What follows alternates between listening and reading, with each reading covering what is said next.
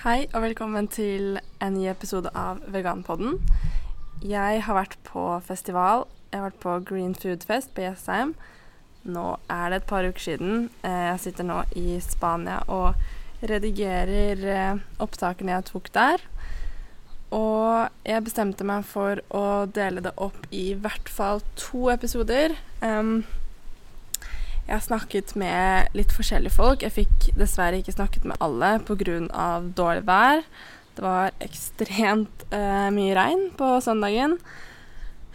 Um, men jeg fikk gjort opptak av uh, et av foredragene. Egentlig to av foredragene, så dette her vil være det ene foredraget med Joanne Khan fra USA utrolig kult at arrangørene fra Green Food Fest klarer å få så mye kule folk til å komme fra um, så langt unna. Det var et interessant foredrag. Um, rett før dette foredraget så holdt Samuel Rostøl fra Veganpreik foredrag om viktigheten av å være faktabasert når man snakker om veganisme. Og jeg vil tro at hvis han hadde hørt på dette foredraget, så hadde han vært kritisk til et par av hennes poenger. Men jeg syns at overall så var det et bra foredrag, og jeg har lyst til å dele det med dere. Um, og så vil jeg si før dere får høre, at uh, jeg vet det har vært litt stille her på podden. Og da jeg startet podkasten for um, over et år siden, så gikk jeg på videregående, og jeg drev ikke med så veldig mye aktivisme utenom det. Uh, men i det løpet av det siste ja, i hvert fall halve året så har jeg blitt ganske aktiv i forskjellige organisasjoner, og det tar jo mye tid. Pluss at jeg har begynt å studere på Blindern, som også tar mye tid. Så i starten så kom jeg jo med to episoder i måneden, og det har jeg jo ikke gjort de siste månedene. Og um, jeg syns jo selvfølgelig at det er dumt, fordi jeg syns det er veldig gøy å prate med folk og lage podkast, men så på en måte er det litt få timer i døgnet noen ganger, da. Um, så jeg tror egentlig at for at jeg skal legge minst mulig press på meg selv, så lager jeg podkast når jeg eh, møter noen kule folk, når det er festival, litt sånne ting. Eh, så ofte som mulig, så klart, men det blir nok litt færre episoder enn da jeg begynte med podkasten. Men eh, jeg får jo fortsatt meldinger fra dere som hører på gamle episoder og syns at de er bra sånn, så jeg, jeg har jo skikkelig Jeg kommer jo til å fortsette å lage veganpodden. Um, den blir bare bitte litt annerledes, kanskje. Uh, kom gjerne med tilbakemeldinger på liksom uh, hvilken retning dere vil at veganpodden skal ta også, hvis dere har noen tips eller innspill eller noe sånt. Um, ja, det var vel egentlig det jeg ville si. Um, siden at jeg ikke er like regelmessig da, med å legge ut podkaster, så de fleste av dere har sikkert gjort det, men da kan det jo lønne seg å abonnere på podkasten eh, i den appen dere hører på, sånn at dere får beskjed da når jeg legger ut episoder, um, tenker jeg. Så ja, da får du høre dette foredraget nå, og så får vi se om det blir én eller to episoder til. Um, fra Green Food Fest, altså. Um, ja.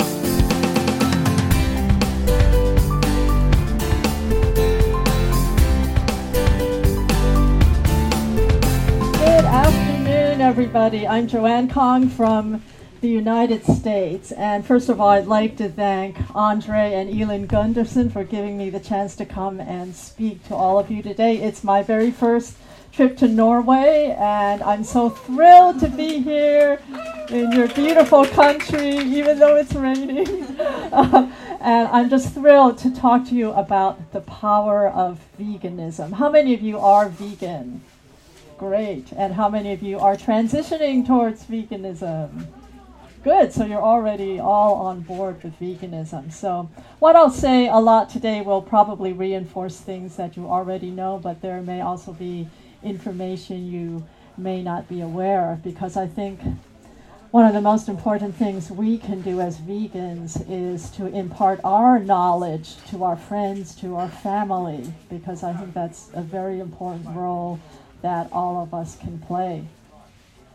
So, veganism is a powerful growing movement. It's one of the fastest growing social justice movements today.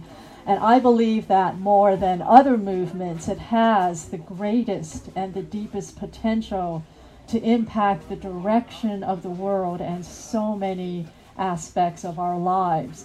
The movement away from animal exploitation is gaining strength, and it's doing so at the grassroots level. So, all of you who are here today are part of an, an important collective voice that truly is changing the world. So, what are the impacts, the benefits of veganism?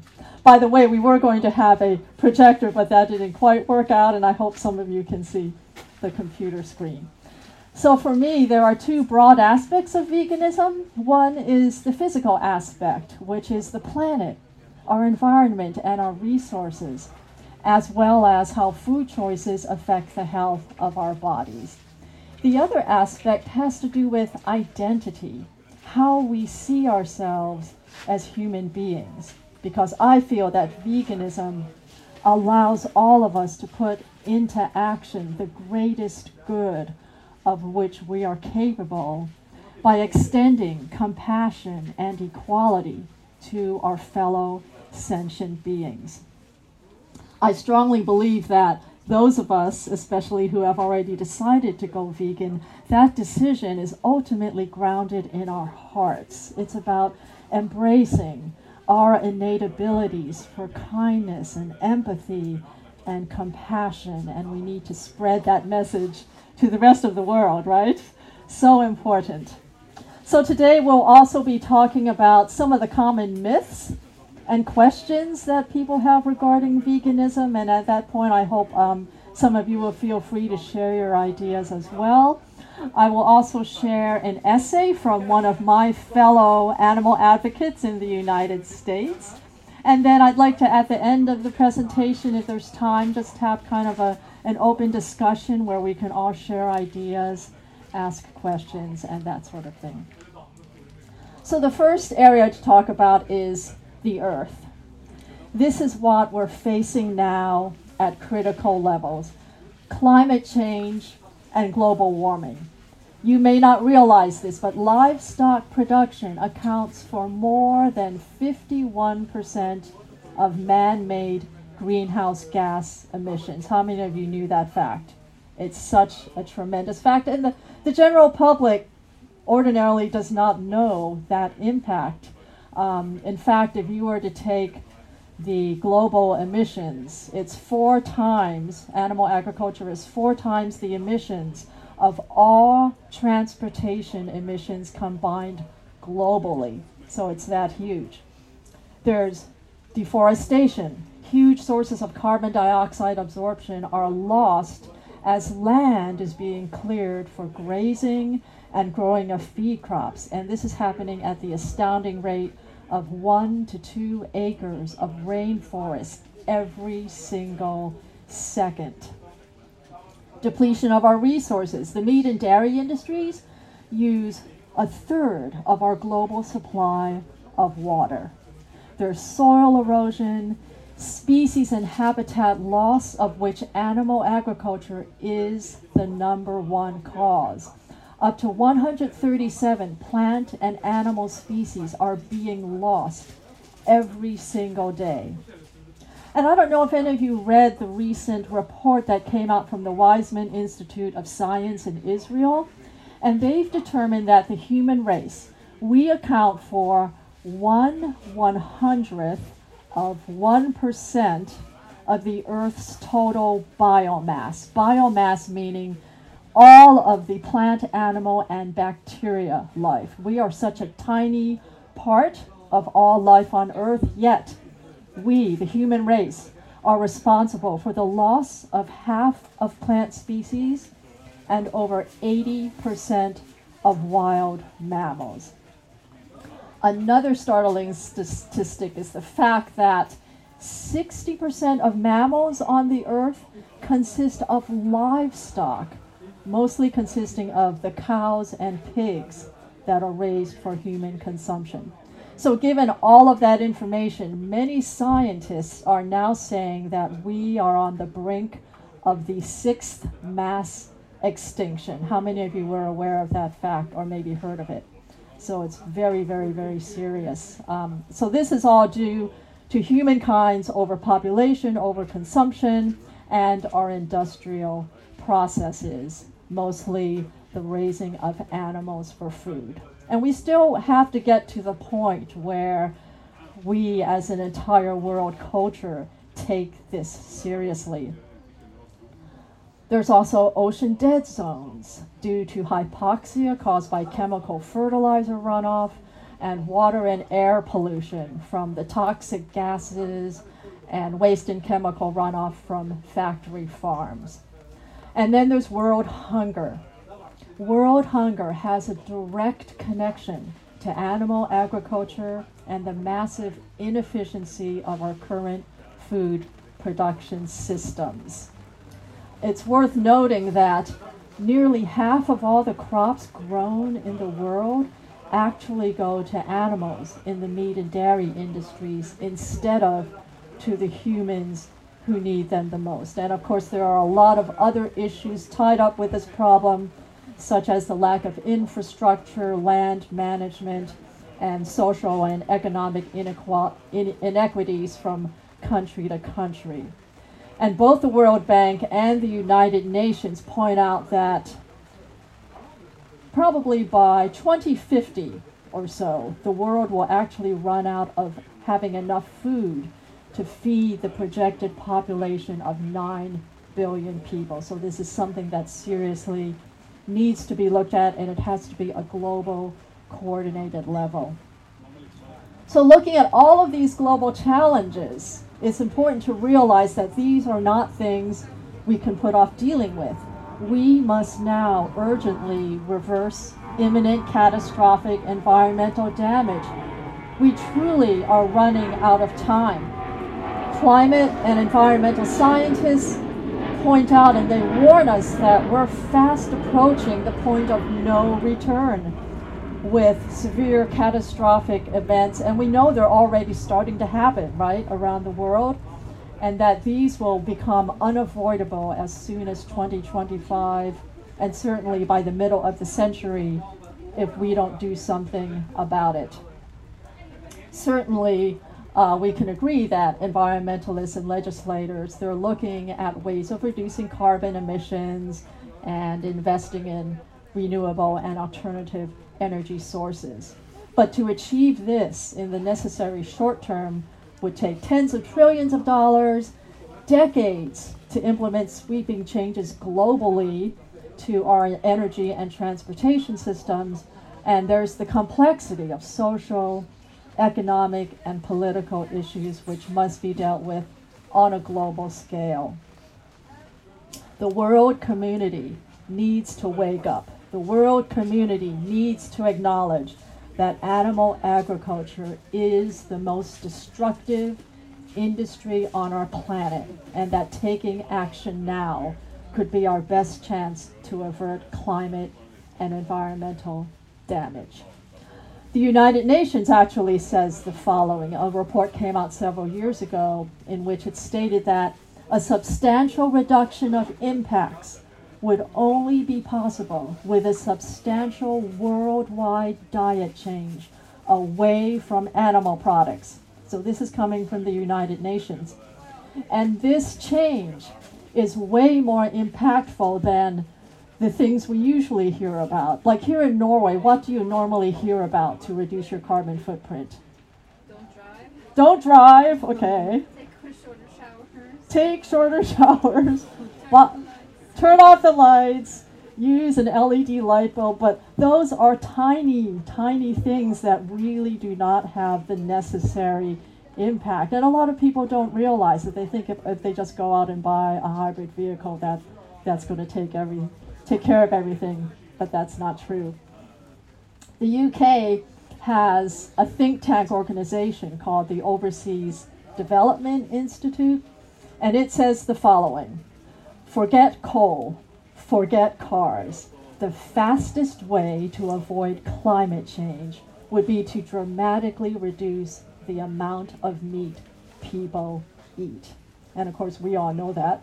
Um, and also, we need to look at just kind of the whole world consciousness because I think it takes a while for these ideas to unfold where everyone understands what's happening. So we're really at the front of the movement, right? So um, it's good to realize that and tell this to your friends that going green with your diet, you can cut your carbon footprint in half. I know it's hard for you to see, for some of you to see this chart, but a vegan diet has the lowest carbon footprint of about 1.5 tons of carbon dioxide equivalent per year. 1.5 tons.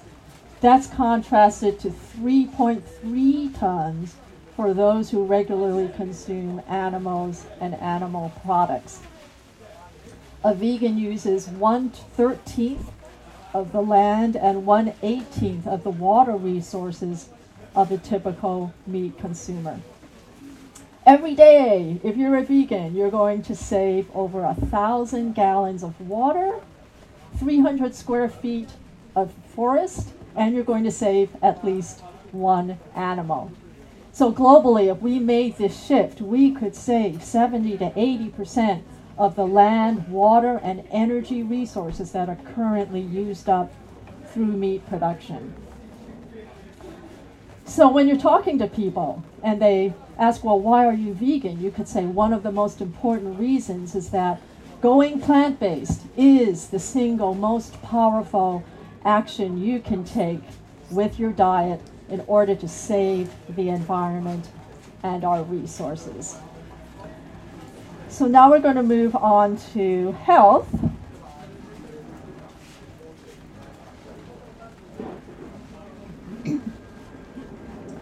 we all know that obesity is rising at an alarming rate throughout the world, right? We've all heard about that. And I am very to, sorry to say that in my country, the United States, we're at the top of the list. You can't see this chart really clearly, but it's titled the what we call the Standard American Diet, SAD, which spells sad. Um, so we have probably the worst diet in the world. If you look at this chart, 80 about 80% of the US diet consists of animal products and processed food. Only 11% is fruits, vegetables, nuts and beans, and 4% is whole grains. So that's a pretty pitiful sad diet and we know that obesity is a major contributor to numerous health problems and chronic conditions even here in Norway, I read this statistic, and you can tell me if it's true or not. There was a study done by the Norwegian Institute for Public Health that says that now in Norway, one of every four adults is clinically obese. Does that sound correct to you? Did any of you hear that study? You heard it? So I'm not just making it up.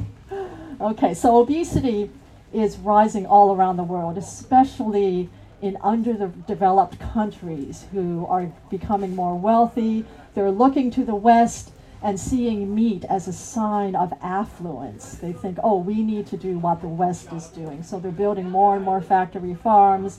They're acquiring those lifestyle habits. And as they're doing so, their health is declining. We know that there's overwhelming scientific evidence linking the consumption of animals and animal products to numerous diseases. Health costs around the world are skyrocketing related to meat consumption. In the United States, medical costs related to diseases connected to meat consumption is over $100 billion every year. And how many of you saw the study that came out about three years ago from the World Health Organization?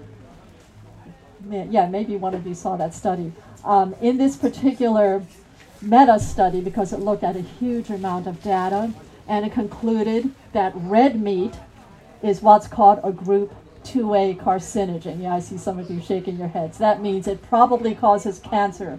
So red meat consists of whether you eat cows, calves, pigs, sheep, or goats. And processed meat is a group 1 carcinogen. That's the exact same danger level as cigarettes and asbestos.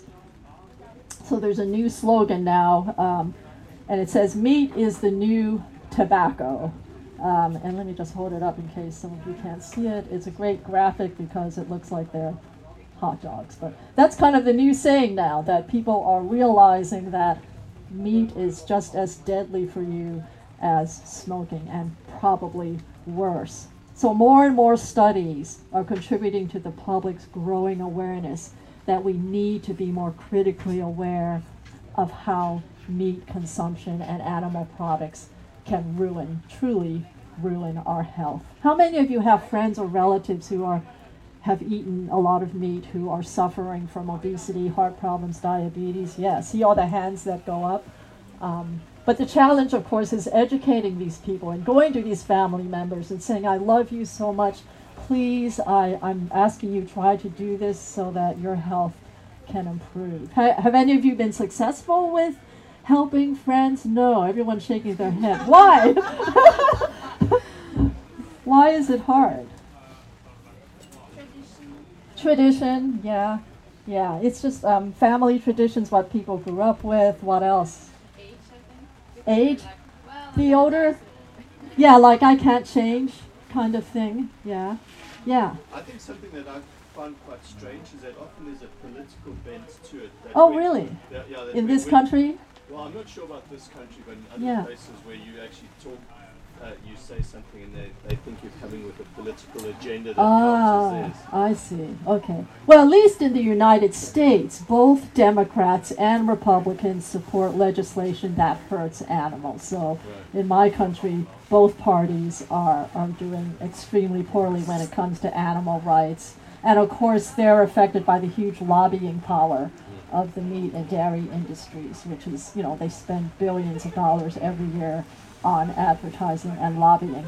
So at this point, um, I want to hand out, I know the print's really small, but this is a handout that has benefits of plant based eating on one side and meat dangers on the other side. And you notice how much smaller the font I had to use for the dangers. So go ahead and take one of these and feel free to share these with friends and family.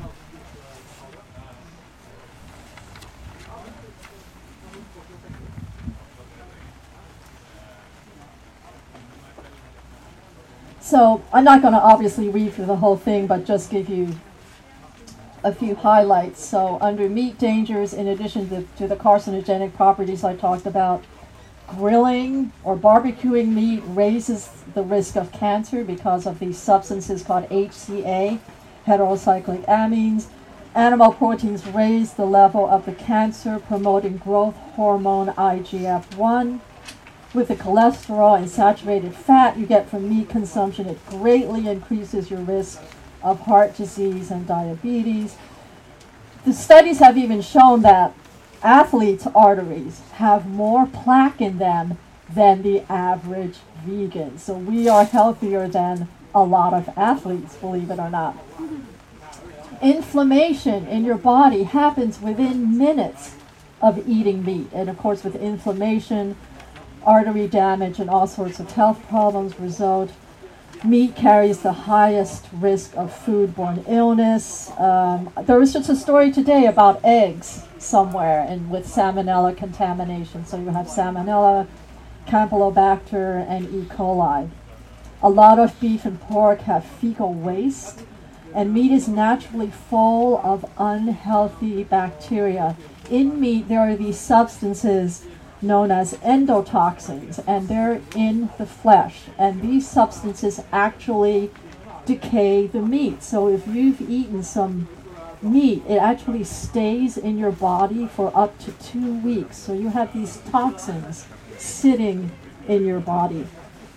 Acidification and osteoporosis. I don't know how it is in this country. Has there been in the past a big milk campaign? Yeah, can you tell me about it? Is it similar to what happened in the United States or happens in the United States? It's It's, Right. it's just all the time. Athletes saying what? That they always have milk for breakfast. Okay, they always have milk for breakfast. Are getting stronger. Their bones are getting stronger. But the opposite is what happens because animal protein acidifies your body, which of course is bad. And in order for the body to help to neutralize that acidity, it pulls calcium, which is an excellent acid neutralizer, out of your bones. So the more milk products you eat, you're actually going to have a greater risk for osteoporosis. In the U.S., and we're, we're you know one of the greatest dairy consumers, we have like 40 to 50 million that are affected by osteoporosis. So some other highlights. Um, oftentimes people will say, "Oh, I'm going to stop eating beef. I'm going to eat the healthier meats like pork and fish and chicken." But pork has very fattening meat that can be 30 times more toxic than beef. And part of why would this be? Why would a pig's meat be more toxic? You know, you've heard the, the fact that pigs don't sweat. Are you aware of that? And sweating is done to get rid of toxins. So pigs, their flesh tends to concentrate a lot of toxins. So if you eat pig, you're getting all of those substances. Fish, due to the pot, the polluted oceans and our rivers, they're getting way more higher levels of dangerous metals, PCBs, mercury, and even plastics. If you eat fish, you're probably eating plastic as well. And increasingly large amounts of fish these days are grown in fish farms that have all of these environmental issues. So fish is no longer the safe meat. Meat also has little or no antioxidants. Meat has no fiber. And there was a study done that showed that a high intake of meat, dairy, and butter promotes skin wrinkling and aging. So all of those are some of the negative impacts of consuming meat, and there's many more on this side. On the other side, some of the plant-based benefits. There was a study done by Harvard University that said that if you substitute even a small amount of processed meat with plant protein, you can reduce your risk of early death by 34%. And the countries with the greatest intake of plant foods have the lowest incidence of disease. How many of you, since going vegan, have been a whole lot healthier? Would you say, yeah? And how many of you are healthier than your meat eating friends? right.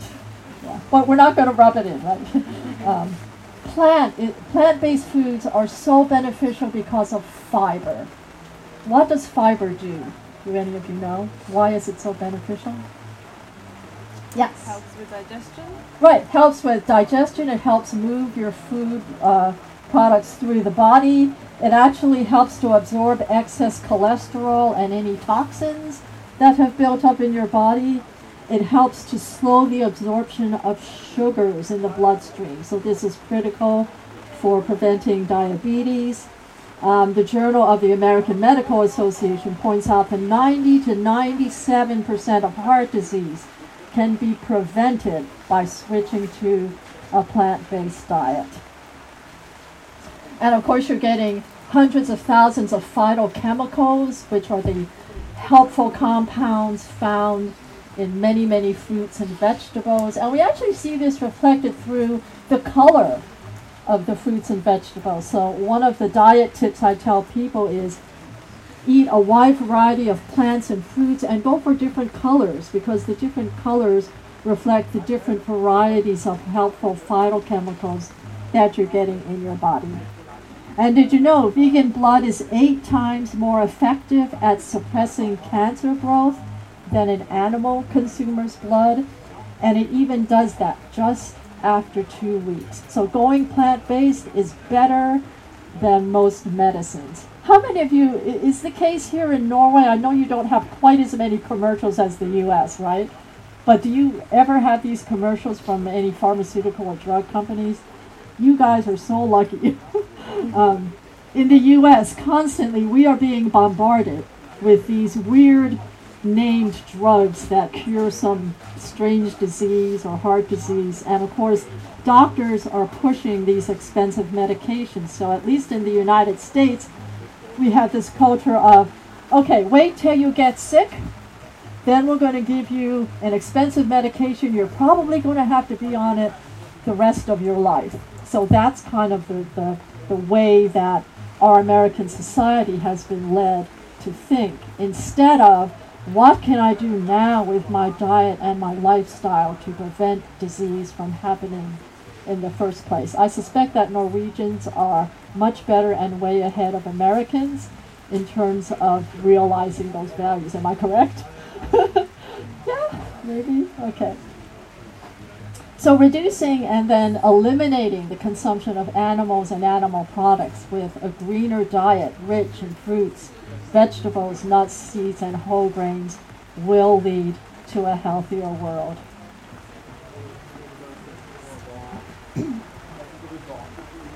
So the next aspect of veganism, I'd like to talk about is compassion. And this is an aspect of veganism that can't be quantified, yet for many, myself included, it's the most important thing. It comes down to identity and the kind of energy you choose to make a part of your lives. If we consume animals, what we're actually bringing into our bodies is the result of the pain, terror, suffering, and death that an animal went through. And I strongly believe that in this whole process, as, as humankind grew to consume animals, we actually degraded and numbed our very sensitivities, the compassion we have, the innate empathy we have for other beings that we don't want to see another being in pain. As the meat culture grew, we actually acquired that kind of attitude that, oh, we can put those qualities aside. Instead, by going plant based, we can expand our capacities for tolerance, respect, inclusivity, and peace by refusing to exploit these animals who are the most innocent and vulnerable among us. So for me, being vegan is about something I call compassionate oneness. And what compassionate oneness means to me is seeing another animal as being the same energy. It's part of life energy.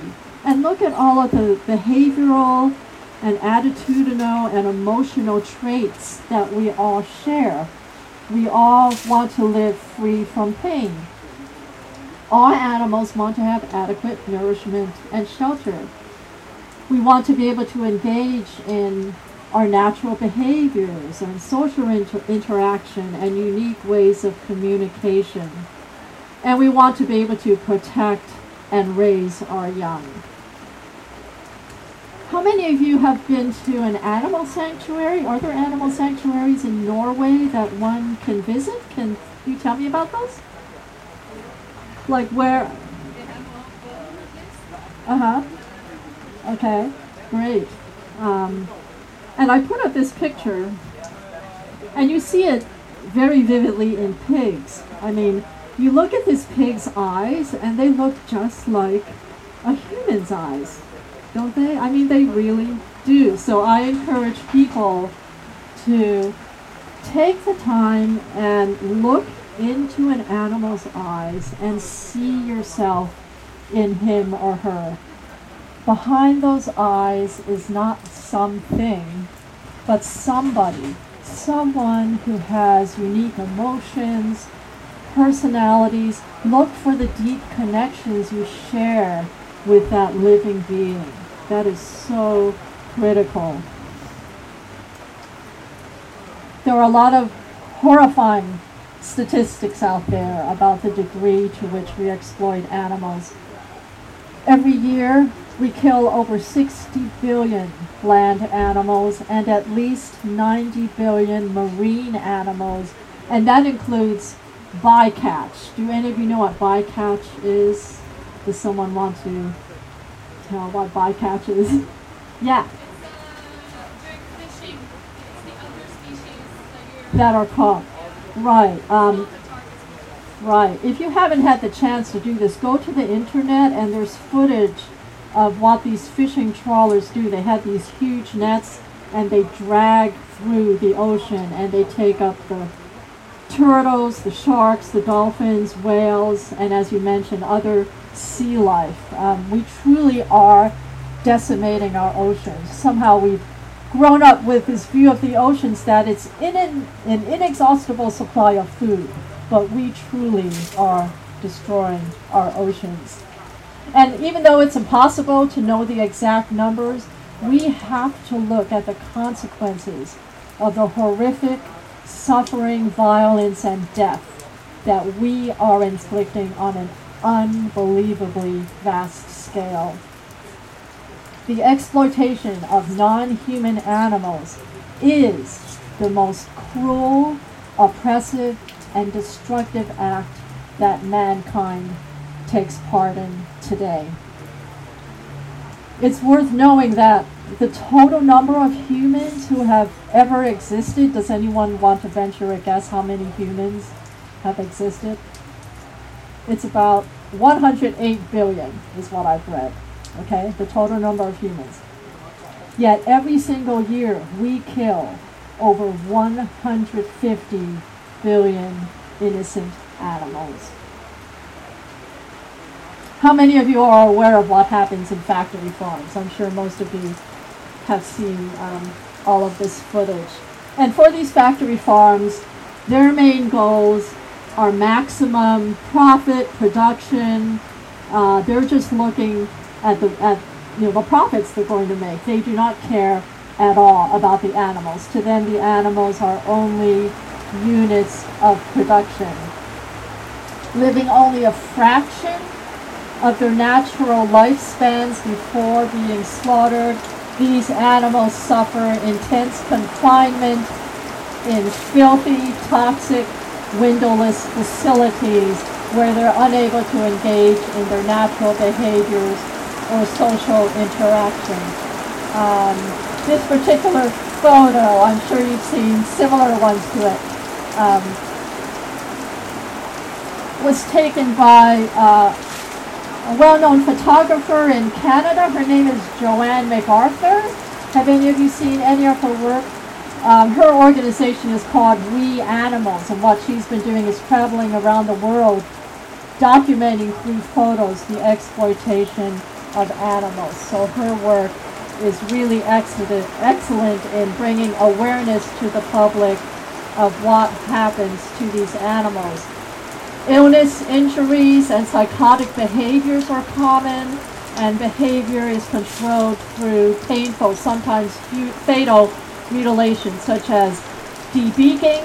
Although I understand debeaking has been banned in Norway, is that that is correct? Okay, um, but not in other countries or a lot of other countries. Declawing, dehorning, castration, teeth cutting, and tail docking, and these behavioral adjustments, as they're called, are usually done without anesthetic, which of course leads to deformities and debilitating pain. And the an- antibiotics are fed to animals to force unnatural, rapid growth. So a lot of the horrific things that are happening in factory farms are things that we need to educate the public about.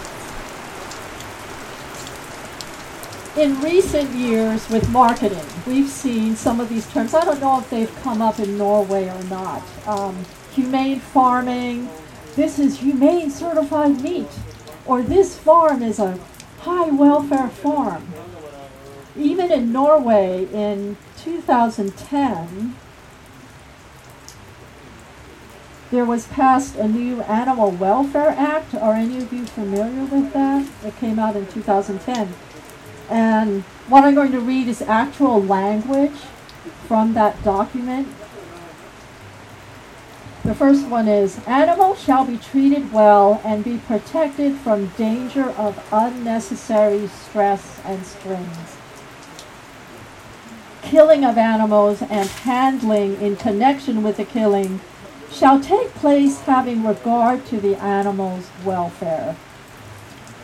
Animals which are owned or in any way kept by people must be stunned before being killed. The stunning method shall ensure loss of consciousness, which lasts from when the killing starts until death occurs. So those are all from the 2010 Norway Animal Welfare Act. But the truth is simply this. Regardless of how an animal was raised, there is no such thing as humane slaughter, and I'm sure all of you agree with that. In the end, the killing of that animal is the ultimate inhumane act, and instead of supporting animal exploitation, we can choose empathy and compassion instead.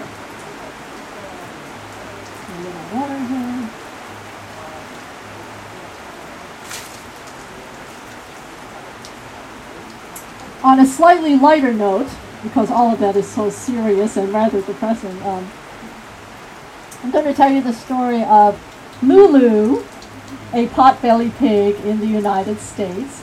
And Lulu received worldwide attention in 1998. And I'm going to read one of the newspaper accounts that tells her story. So can you all hear me okay? Yeah. No one can go through life without the help of others from time to time. Thankfully, when we find ourselves in a sticky situation, we can usually rely on someone being there to lend a hand. It's when there's no one around that a bad situation can become truly dangerous. When one woman was trapped in an impossible situation, she would find out just how helpful a four-legged friend can be. When their daughter asked Joanne and Jack Altsman to babysit their pet pig, they agreed. She was, after all, just a four-pound little thing, and although she wasn't a puppy or a kitty, a baby Vietnamese pot-bellied pig is pretty cute. The pig's name was Lulu, and she certainly was a sweet little thing. But pigs don't have a reputation for being big, voracious eaters for no reason. Lulu ate plenty, and week after week, she was growing noticeably in size. And as the weeks went by, the Altsman's daughter, Jackie, kept on putting off the day when she would take Lulu back from her parents. Weeks turned into months, which turned into a full year. In the time that had passed, Lulu went from a four pound baby to a 150 pound pig. Now that may seem like a large animal to you, but the Vietnamese pot-bellied pig is actually a miniature breed. That title doesn't really make sense until you consider that an adult pig of a non-miniature breed can reach up to 1,000 pounds in weight. But anyway, even though Lulu had grown to be this huge animal, the Altsmans decided they wanted to keep her. They loved her so much. The Altsmans also had a dog named Bear, and Bear and Lulu got along just fine. So one day, her husband Jack was out fishing on the lake, and Joanne found herself in a dangerous situation that she couldn't get herself out of. That was when Lulu's quick thinking shined through. Joanne was alone in the Altsman's vacation trailer when she suddenly felt a pain in her chest. Before she could act, she fell to the floor and couldn't get up. She knew what was happening a heart attack. This was her second heart attack in 18 months. Joanne knew that if she couldn't get help, she was done for. Joanne tried to get to the phone, but although she could move her arms, she couldn't find enough strength to get off of the floor and get to it, even though it was just a few feet away. She tried c- crying out for help, but no one could hear her weak cries. She even tried throwing her alarm clock out through the open window. Still nothing. Joanne's pets knew that something was wrong with her. Bear, the dog, did his best to fix the situation, falling back on the classic go to move of dogs in a stressful situation. He barked his head off. No one heard him, or if they did, no one thought to investigate. Lulu was also aware of Joanne's pain and desperation. The pig even cried big fat tears, Joanne remembers. But tears weren't going to fix the situation, so Lulu took action. The first thing the pig did was she had to get out of that trailer. There was a doggy door for Bear to get in and out of the trailer, but it was much too narrow an opening for Lulu to fit through. But desperate times call for desperate measures, so Lulu shoved her head through the undersized hole and started pushing. Can you imagine this? This just- As the heroic pig shoved her girth through the hole, the door dug into her skin, scraping and cutting her badly. But Lulu didn't give up and finally managed to force her way out of the trailer. Then the clever pig somehow managed to open the gate and get out of the yard. So she was out, but now what? Lulu knew that she needed to get help for Joanne. So she went with a brave and, one might say, ingenious plan. The big pig walked out to the middle of the road and just lay down right in the middle of traffic. Lulu's gamble paid off when one man finally stopped to see what was going on with the injured animal. The man saw the wounds Lulu had suffered squeezing through the doggy door and followed her as she got up and led him back to the trailer. From outside the trailer, the man could hear Joanne inside and cried out, Lady, your pig's in distress. I'm in distress too, Joanne replied. Please call me an ambulance. The man called 911 and Joanne was transported by helicopter to the nearby hospital for emergency open heart surgery. Joanne's doctor said that if 15 more minutes had passed, she would almost certainly have died. If it weren't for Lulu's quick thinking, selflessness, and her brave gamble, as well as the kindness of a good Samaritan who stopped to help the injured animal, it would have been all over. Thankfully, Lulu's injuries were also non fatal and she was treated as well and made a full recovery. And eventually, she grew to a whopping 335 pounds. Over that next year, the news of Lulu's heroism got out, and for a brief time, she became an international celebrity. So I tell this story to people because it shows how this animal was willing to risk her life for her human. And we humans need to do the same for animals. We must fight for these creatures who have no voice. We know that pigs are highly intelligent beings, emotions, they have empathy, they have significant social and cognitive skills. They're even considered to be more intelligent than a dog or a cat and even a three year old child. So we touched on this uh, a little bit before, but we may ask ourselves the question why do we love one animal yet eat the other? Any thoughts about that? Some of you talked about customs and traditions. A- any other reasons behind why, you know, we can love our dog yet someone who eats animals has steak for dinner? How come they don't see the connection? Being trained since we're born. Right, yeah. I think that's, to me, I think that's the biggest factor. It was essentially a system that we were born into. And I think about my own raising. I ate meat for half of my life. And when, was I, when I was a child, I never, never even thought of it. It was just a given. Um, how many of you were in that same situation when you started out? Were any of you fortunate enough to be vegan from birth?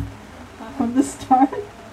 Not that many, right? So, you know, and I think that's an important thing when you're advocating for veganism to point out to other people you're not like this superior being and you're you're the know-it-all and you're telling people what to do. You can point to your own personal experience and say, "Hey, I, I you know, I was raised eating animals until I became educated and I learned the facts and I urge you to do your own discovery and find out what's behind our consumer habits. So that's a major factor. Another major factor has to do with something that psychologists call psychic numbing. Have any of you heard of that term? Um, how do you define it? yeah. Because if you're so open and you Right. look and you feel everything, it can be overwhelming. You can be overwhelmed. Like we hear about earthquake victims or tsunami victims or uh, massive shootings or anything where there's a large quantity of life that is lost. We have this protective mechanism where we can turn off and not identify with the individual. Unfortunately, that mechanism gets in the way of us perceiving the tremendous suffering and violence that happens where animals are concerned. Marketing we touched on, right? Um, look at how we are constantly being culturally and socially conditioned to eat animals as it's the thing to do, right? It's everyone does it. We somehow feel that we belong, that we're okay if we're like everybody else. So marketing through advertising, through the, the powerful industries that push meat onto our plates, that's a tremendous factor. So throughout the history of our culture, we actually grew to see the few animal species labeled as food as objects. We came to see them as just things, as property that were somehow put here for us to use. And therefore, moral consideration for them was removed. But I always tell people we can make a shift in this awareness towards animals, and one obvious place to start is with pets. To make the connection that every animal that winds up on someone's plate was just as individual a living being as any of our pets. Did any of you go vegan because of pet awareness? I'm just curious. Like, can some of you tell me why you went vegan? Was there a certain thing that happened in terms of your awareness? I'm curious to know. Yeah. My daughter, Okay. she educated me. Okay. So I was skeptic. You know, were skeptic? Yeah, I thought we had needed uh, uh, animal protein and. Right. So, Yeah. She, but she was more informed, and then. Okay, so you learned from, so your daughter's very smart. Yes. And anyone else want to talk about? Yes. Uh, I have a friend and he bought his girlfriend a goldfish. A goldfish, okay. She came to love this fish and then it died and she got so sad. Oh. And he said, why are you sad because this fish died? Because uh, every other fish also died. Is the same. Oh, okay. Does she eat other animals though? Yeah. Right. Yeah. Any other stories anyone would like to share about why they was there something that happened that I mean for me and, and for my husband Paul back there it was when we learned about factory farming, which I had never thought of. But when we, we read about what happens to animals, we said, Oh, we can't be a part of this and it was the easiest decision we ever made. Okay. Um, so at this point, I want to go through some of the common myths. And these are good things to know, especially as you're talking to people about why you should go vegan. So the first one is it's the one that we hear all the time, you know, vegans can't get enough protein. So what do you say to that? If you eat food and you're not hungry, you get protein. Right. Um, point out to them that look at, uh, there's a picture of a gorilla here if you can't see. Um, but this gorilla has six to ten times the upper body strength of humans. And what do they eat? They eat roots and shoots. They're, they're all plant-based eaters. Um, and from grains, leafy greens, beans, nuts, you can get plenty of protein. Um, and we've already talked about how the excess of animal protein actually contributes to fat for obesity and cancer and it acidifies. So you can remember those things. They're all on your handout. Um, so that's the first myth. It's probably the most common one. The next one is that for us to eat dairy and eggs, animals don't have to suffer. So, what would you say to that?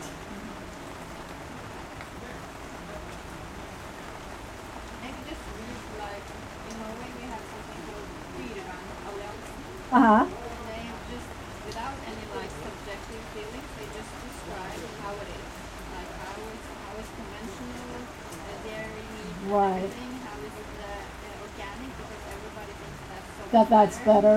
Right. range, Yeah. and then they compare it also Yeah. to Sweden. So then you just see if you if you're a pig you don't have to have more than like a half and half a liter to turn around. Uh huh. And how is that even possible? Yeah. Yeah. Right. Things like that. Just, that's how it is. And some Yeah. I only buy this and this meat, okay, but do you really know where all your meat? Right, right. Yeah, somehow, and this ties in again with marketing, and I, I know some of the other speakers have talked about it. And how many of you have seen some of the pro- dairy products on the grocery shelf? And there's a green rolling field, and the cow has a smile on its face. I used to, as a child, eat this cheese called Laughing Cow cheese. You've probably seen it in the grocery store.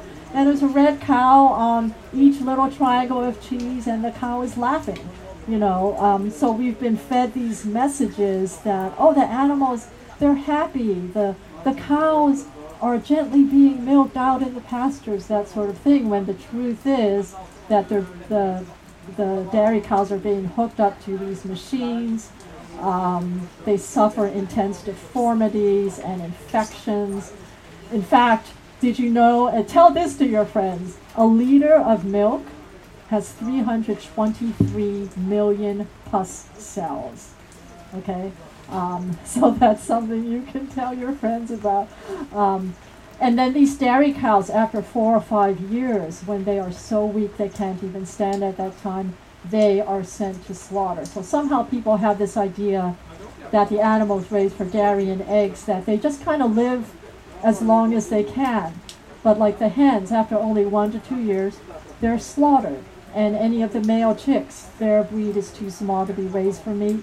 They're gassed or ground alive. So all of these animals and all of these industries is all part of the same thing. And again, it's all about profit for these factory farms. Free range or cage free eggs are a better choice. Any thoughts about that? Free range simply means, and this is a very limited definition, it means the animals have access to the outside. And of course, if you look at an egg carton in the store, you see these hens running out on the grass as if, oh, that's what free range means. Well, that's what the producers want you to think.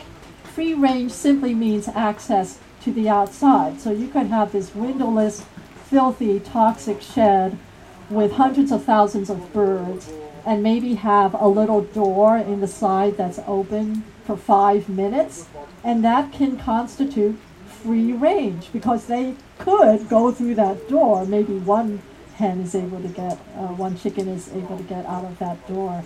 So that's another deceptive marketing ploy. So you have to be, yeah, you can't see this, but um, yeah, here's it's Sunny Queen Farms. There's the sun, the the hens, and the, the animals. They're out in this beautiful pasture, and there's an egg with a happy face on it. So these are the kinds of marketing messages that we're getting all the time. Okay, what do you say to people who say we're carnivores or we're omnivores? This is one that comes up. Even if we can, why would we? Okay, okay, if we knew the truth about what, okay. All right, so just because we can eat an animal and eat plants doesn't make us an omnivore. Okay, in fact, historically, yes, early men did at times because of survival needs or food availability. Yes, they had no choice but to eat the occasional animal. But today, we have a choice. And true carnivores, who would be what animals? Lions, right? Cats. Uh, a lot of people say cats really can't be vegan because they're, right? Is that what you ordinarily hear to be true? Um, they can't uh, create certain amino acids and they can only get them through consuming meat. So that makes them obligate carnivores. But if you compare physiologically, like compare us to a lion, what are some of the difference, physiological differences? Yes. Instinct. Right. Yeah, right. It goes after, right. Or roadkill or something, yeah. We think it's gross, but a lion, that's, then that's different. So it's just a completely different instinct. Good, that's an excellent point. Um, any physiological differences? Like look at our mouth size compared to the huge jaw of a tiger or a lion that can grab prey and tear off flesh. This mouth doing that? Not exactly. Or look at the, the long teeth that also tear into raw flesh. Look at the difference in hydrochloric acid in the stomach of a true carnivore. Their hydrochloric acid is 10 to 20 times stronger than ours. Look at our teeth construction. We have molars and we can move our jaws side to side, which is ideal for breaking down plant material. And we even have amylase, which is a particular enzyme that is used to break down complex carbohydrates. Carnivores do not have that. So there are a lot of things you can find on the internet to, to see that there's a distinct difference between the true herbivores we are and omnivores or carnivores. Okay, we should eat animals since we're at the top of the food chain. I've heard that one before. Have any of you heard that? Yeah, so what do you say to that?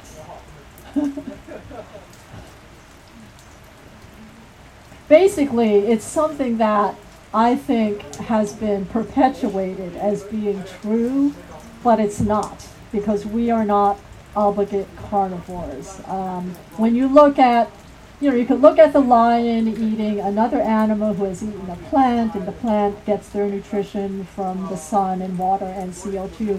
Yes, you could say there's a food chain there, but there is not a food chain that involves us having the need to eat animals.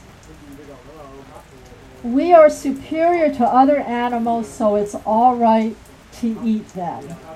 This is a, a good one to bring up. Any discussion about that? Because a lot of people say that oh man is at the top of everything. We're we're the smartest. We're the most intelligent. Any thoughts about that? Anyone back there? Yeah Just because we can do something doesn't make it moral. okay good just because we can do something does not make it moral and it's an arbitrary thing to say that the way we measure our intellect should be the same way we evaluate another species' intellect. And if you look at, you know, compare us to certain other animals, there are animals that do things that we can't do. You know, like fish that swim forever underwater. You have a flea that can jump a thousand times its height. You have cows. Cows actually have a wider range of smell and hearing than we do. Or how about the animals like elephants who can sense low frequency vibrations? How many times have we heard stories about tsunamis and earthquakes where there was human damage but we never heard about any animal deaths? That's because the animals had some sensing device that they knew something was happening and they knew to head to higher ground. So there are so many aspects of trying to compare different species where it's really impossible to say we're at the top of anything. Plus, if we're so smart, look at what we're doing to the world. You know, look at all the problems we have. And in terms of technology, yes, we've made certain things easier, but in terms of how we treat our planet and how we treat our fellow beings, we are not doing so well. What I eat is a personal choice. This is a tough one. You know, if you're out to dinner with someone and they say something like, You don't mind if I eat meat, do you? What do you say to that? Any thoughts? Yeah. I mean, I wouldn't say it's a personal choice when there's a victim involved. Right, great answer. She said it's not a personal choice when another living being is is involved, and I think that's the thing to bring up. Um, another thing I say, well, if it's a personal choice, it's something that you should really think about carefully. But as we've said, so much about our society and culture has ingrained in us that we don't have to think about it. Um, so, so your comment is, is a really excellent one. With animal products used in so many products other than food, it's not worth it to try to be vegan if you can't do it 100%. Any thoughts there? Just have to encourage them that everything's better than nothing and just try to see. Exactly, yeah. Um, there's this saying, don't let the perfect be the enemy of the good. It's ultimately about choosing to live in line with your own core values, that you decide, I don't want to enable this suffering to go on. I don't want to be a part of it. And I think that's really, really critical. And also to look at all, as we've talked about, how you're going to help, the, help uh, not only health, but the environment, and that what we do as individuals is going to have a huge impact. Uh, I love this graphic. Plants have feelings. How many of you? Uh, yeah, of course, plants don't have a brain and a nervous system, so they don't have the subjective awareness that we do. But how many of you have heard this from your meeting friends? You know, but this is a great graphic. I just love it. Animals will run rampant if we don't eat them. They'll take over the world. Okay, and realize that these animals are, in a sense, artificially created by us. We've bred them to create food for us so that um, if we all, you know, the whole world is not going to go vegan overnight. It's going to be a gradual process. Going vegan, we would need more land to grow so many plants. So the thing to realize here, and this is uh, in terms of world resources, to get the same amount of nutrition, meat production uses 16 times more land than growing plant-based products. So actually would we would be able to use less land in, in terms of growing plant food. Uh, another statistic I read was that if you consume animal meat, you only get something like 30% of the plant's energy from eating that animal. The other 70% is lost and it goes to bodily functions of that animal, waste products, and that sort of thing. So the meat industry and consumption of animals is a massively inefficient way of producing food, and of course, it's entirely unethical. Okay, the B12 thing. Does anyone want to explain that? People say, oh, you have to take a B12 supplement, so vegan diets can't be natural. This is a really common one, so you want to have a good good reply for this particular one. Any thoughts on it? That's right. Yeah, Even if you're not vegan, you still have to have, you can be an unhealthy vegan. That's true. Yeah. Did any of you start out as a junk food vegan and then improve? Yeah. I mean, yeah. How how did you change from being a junk food vegan to a healthier eating vegan? yeah. As a oh no. okay. Good. Good. people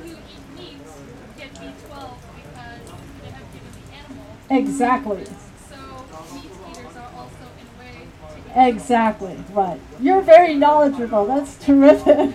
yeah, bacteria is made, um, B12 is made by bacteria in the soil, and historically, for hundreds of thousands of years, we used to get our B12 from the dirt that was on vegetables grown in the ground. But of course, nowadays, we scrub and we clean our vegetables because of pesticides, so we're not getting that naturally. Animals, again, they're being fed highly refined GMO corn and soy, they're not getting the B12 that they would have gotten from eating naturally in the fields. Plus, I, I read that at a certain age, your ability to absorb B12 decreases anyway. So once you hit around age 45 or 50, you probably need to take a B12 supplement anyway. But read up on that because that is a common question that comes up. Athletes can't get enough nutrition on a vegan diet, and this is a photo of Patrick Baboumian. He's one of the world's strongest men. He can lift up like a whole tree trunk um, from Germany.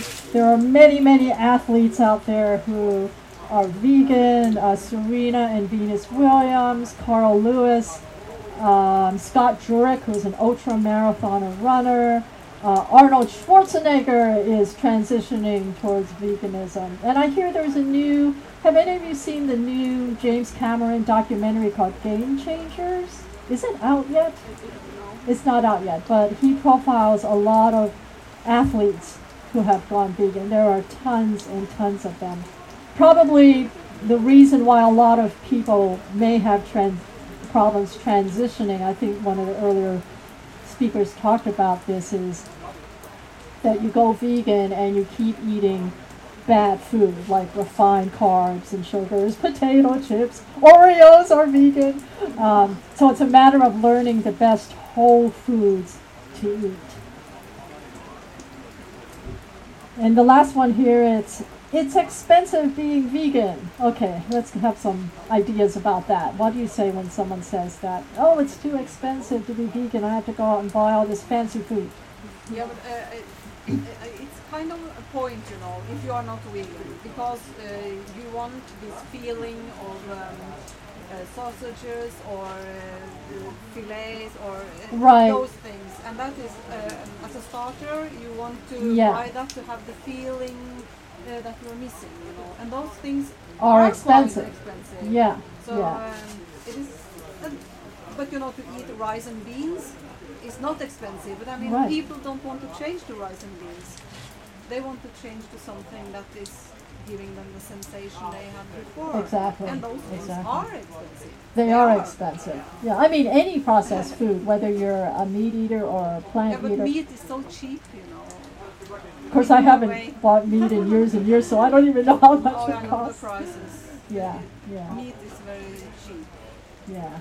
Um, so it, it, it's much more expensive than vegan. Yeah, so it's a, a matter of educating people and reminding them that you've actually eaten mostly vegan anyway. If you've eaten breads and fruits and vegetables, you already have a mostly vegan diet. And to gradually make the substitutions for the tastes and the textures of what used to be meat. So, um, You've all heard, I think that uh, yesterday Ori talked about the Challenge 22, which is an excellent program, and you can recommend that to your friends because you get a lot of help over the span of three weeks. And it takes about that long to initiate that change of habit towards plant based nutrition. So at this point, I wanted to um, share a story by one of my fellow advocates in the United States. Her name is Nancy Arenas, and she actually runs a veg festival in the United States. And she wrote a very inspiring essay that she calls The Vegan Connection, and I wanted to share it with you. Four and a half years ago, during a conversation with a dear friend, I became vegan right there. Right then, I became overwhelmingly sympathetic to the sufferings of animals. I finally made the connection. What connection? Someone asks. What is this disconnect that I hear about? Disconnection is to connection as discompassionate is to compassionate. When reference to violence upon animals, it means to give up your apathy and learn to care. Until I had had the aforementioned pivotal conversation, I had never considered the violence that is associated with the animal flesh on my food plate. I was disconnected from the carnivorous rancher's rifle and its horrific act, kept secret from me, yet delivered to the animal behind the barn. I was disconnected from the bloody act of the white wrapping butcher and the pretty pink morsels neatly packed and placed in rows like toys in a toy shop. That is why I didn't see it, because human babies are conditioned from birth through love of family and the need to eat, hypnotized by the socially sweeping momentum of carnivorous habits. I just love that term she uses the socially sweeping momentum of carnivorous habits. So that's what we're facing. From the bottom of my soul and my heart, I was filled with grief over my innocent yet ignorant cruelty upon animals. However, I could not allow despair to defeat me. Determined for good, I simply looked forward, relieved to be a new person from that moment onward. When I fully understood the concept of veganism, I committed my life to vegan advocacy. Is there a greater service to offer the world? In addition to its ideal of nonviolence for others, veganism mended many of my own bodily ills. After one month of eating exclusively vegan food, my joint pains and swelling disappeared, along with my vertigo and fibromyalgia, never to return. The compassion I showed to the animals showed itself to be also my own personal self compassion, alleviating my own pain and suffering. I am inspired by my newfound purpose in life, unceasingly dedicated to it. Everything else is, to me, a transparent window through which I gaze upon that future day when all the world irresistibly succumbs to that universal vegan enchantment. I truly believe that each one of us has superlative attributes which we are merging ever more harmoniously in order to heal those things which are broken in our society. Yes, I do believe that global veganism is the solution to all the world's difficult problems. Nonviolent inner peace is the character that comes to anyone who eats plants only. How many of you feel that way? I do, a sense of inner peace. The seed which will grow a peaceful world is this stop eating blood. Bloodshed, any bloodshed due to human hands, will cease when bloodshed is no longer food for humans. Step by step, vegan by vegan. Veganism is forming inspirational connections all around the world. One narrow wheel spoke would break under the full weight of my body, yet when many individual spokes simultaneously join the tire to its hub, I am confident in that strongly supportive wheel beneath me. And so every narrow individual journey is becoming joined, rolling down that universal road, the road to peace. So those were words of Nancy Arenas. And I want to point out that um, more stories such as hers can be found on my website, which is called Vegans Make a Difference. And if any of you are interested in contributing your unique story to the website, I would love it if, if you could do that. Um, because this is one way of educating the public for them to read that every one of us is on our own individual path and we have our own unique motivations towards plant based nutrition. And I do want to say, I hope you've all, despite the weather, had a great time eating all the delicious food here. Uh, I want to thank Elin again uh, for, the, for all the hard work and, and everything you've done to make it possible. And I think all of us are realizing more and more that veganism it's not just a diet or a lifestyle, it's about making a profound shift in our awareness away from an egocentric attitude towards one of deeper connections to nature and our world, as well as deeper compassion for our sentient beings. So, thank you so much for coming. Yeah.